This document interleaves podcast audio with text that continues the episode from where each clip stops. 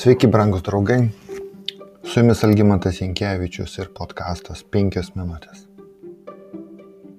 Nuo patepimo momento Izraelio karaliumi Saulis parodė daug kilnių charakterio bruožų ir Samuelis, pranašas Samuelis jį labai mylėjo. Tačiau Sauliui ateimas į valdžią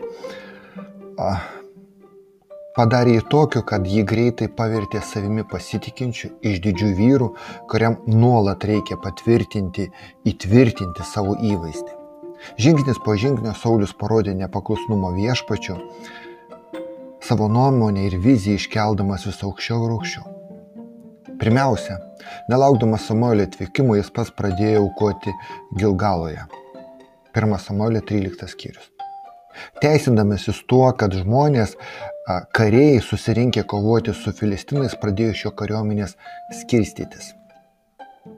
Tada, kai viešpas pasėjęs paniką filistinų gretose ėmė juos naikinti, Saulios kariams prisakė beprasme priesaiką. Tai būna prakeiktas vyras, kuris valgytų maistų iki vakaro, kol nebūsiu atkeršę savo priešams. Taigi ne vienas iš karių neragavo maisto.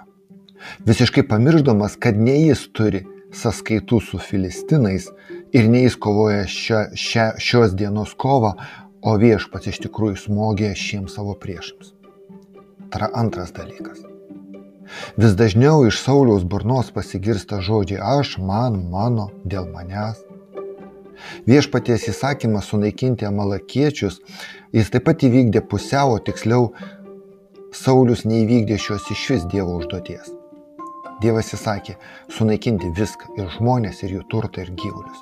Tačiau Saulius ir kariai pasigailėjo Agago, geriausių avių, galvijų, penikšlių ir avinėlių bei viso, kas buvo vertinga. Jie nenorėjo skirti jų sunaikinti, sunaikinti jie skyrė tik tai, kas buvo menka ir niekam netiko.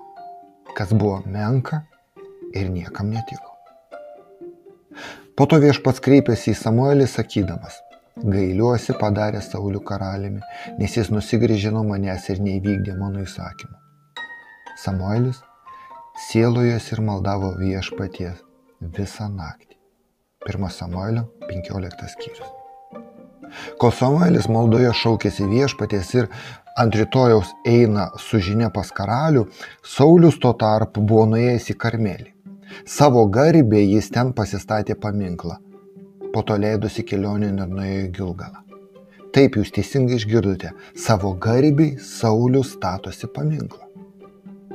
Kai Samuolis atėjo pas Saulių, Saulius suskubo duoti, kaip pasakykime, ataskaitą už tai, kas buvo padaryta ir sako, aš įvykdžiau viešpaties įsakymą.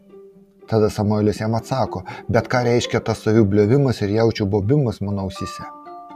Saulius, nejausdamas kalties, atsakė, jie buvo parvesti iš amalakiečių, nes kariai pasigailėjo geriausio avių ir galvijų, kad šie būtų paukoti viešpačiui tavo dievui. Likusias, likusius mes skirime sunaikinti. Tada Samuelis tarė Sauliui, liaukis, aš tau pasakysiu, ką viešpas kalbėjo man praėjusią naktį. Jis atkreipė Sauliaus dėmesį į tai, koks nalankus ir paklusnus viešpačius buvo pradžioje. Savo akise gali atrodyti menkas, bet argi nesi Izraelio giminių galva? Viešpas tave patipė Izraelio karaliumi, viešpas tave pasiuntė į žygį, tardamas, eik ir skirk sunaikinti tos nusidėlius amalekiečius, kovok, kol jie bus sunaikinti. Tad kodėl nepaklausai viešpatės balso, kodėl poliai prie grobio ir darai, kas nedora viešpatės akise? Po tokių žodžių užvirė užsispyrusi Sauliaus dvasia ir įsima ginčyti su pranašu. Vis dėlto aš paklausiau viešpatės balso, atlikau žygį, į kurį viešpas mane siuntė, parvedžiau Amaleko karalių Agagą ir skiriau Amalekiečių sunaikinti. Bet iš grobio kariai pasėmė avių ir jaučių geriausiai iš to, kas turėjo būti skirtas sunaikinti paukoti viešpačiui. Tavo Dievui Gilgalė. Šie paskutiniai Saulio žodžiai parodė, kad Dievas nustojo būti jo dievu ir liko tik šio pagyvenusio pranašo dievu.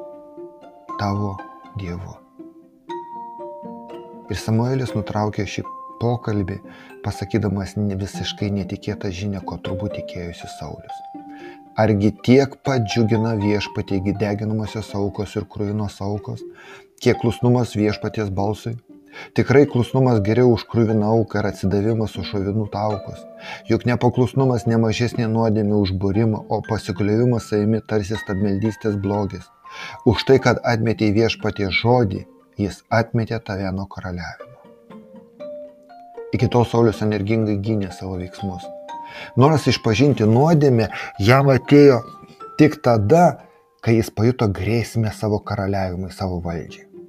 Ir kai Samuelis nusprendė išvykti, Saulis prašė jį pasilikti, kad žmonėms atrodytų, jog pranašas vis dar pritarė karaliaus valdymui. Brangus draugai.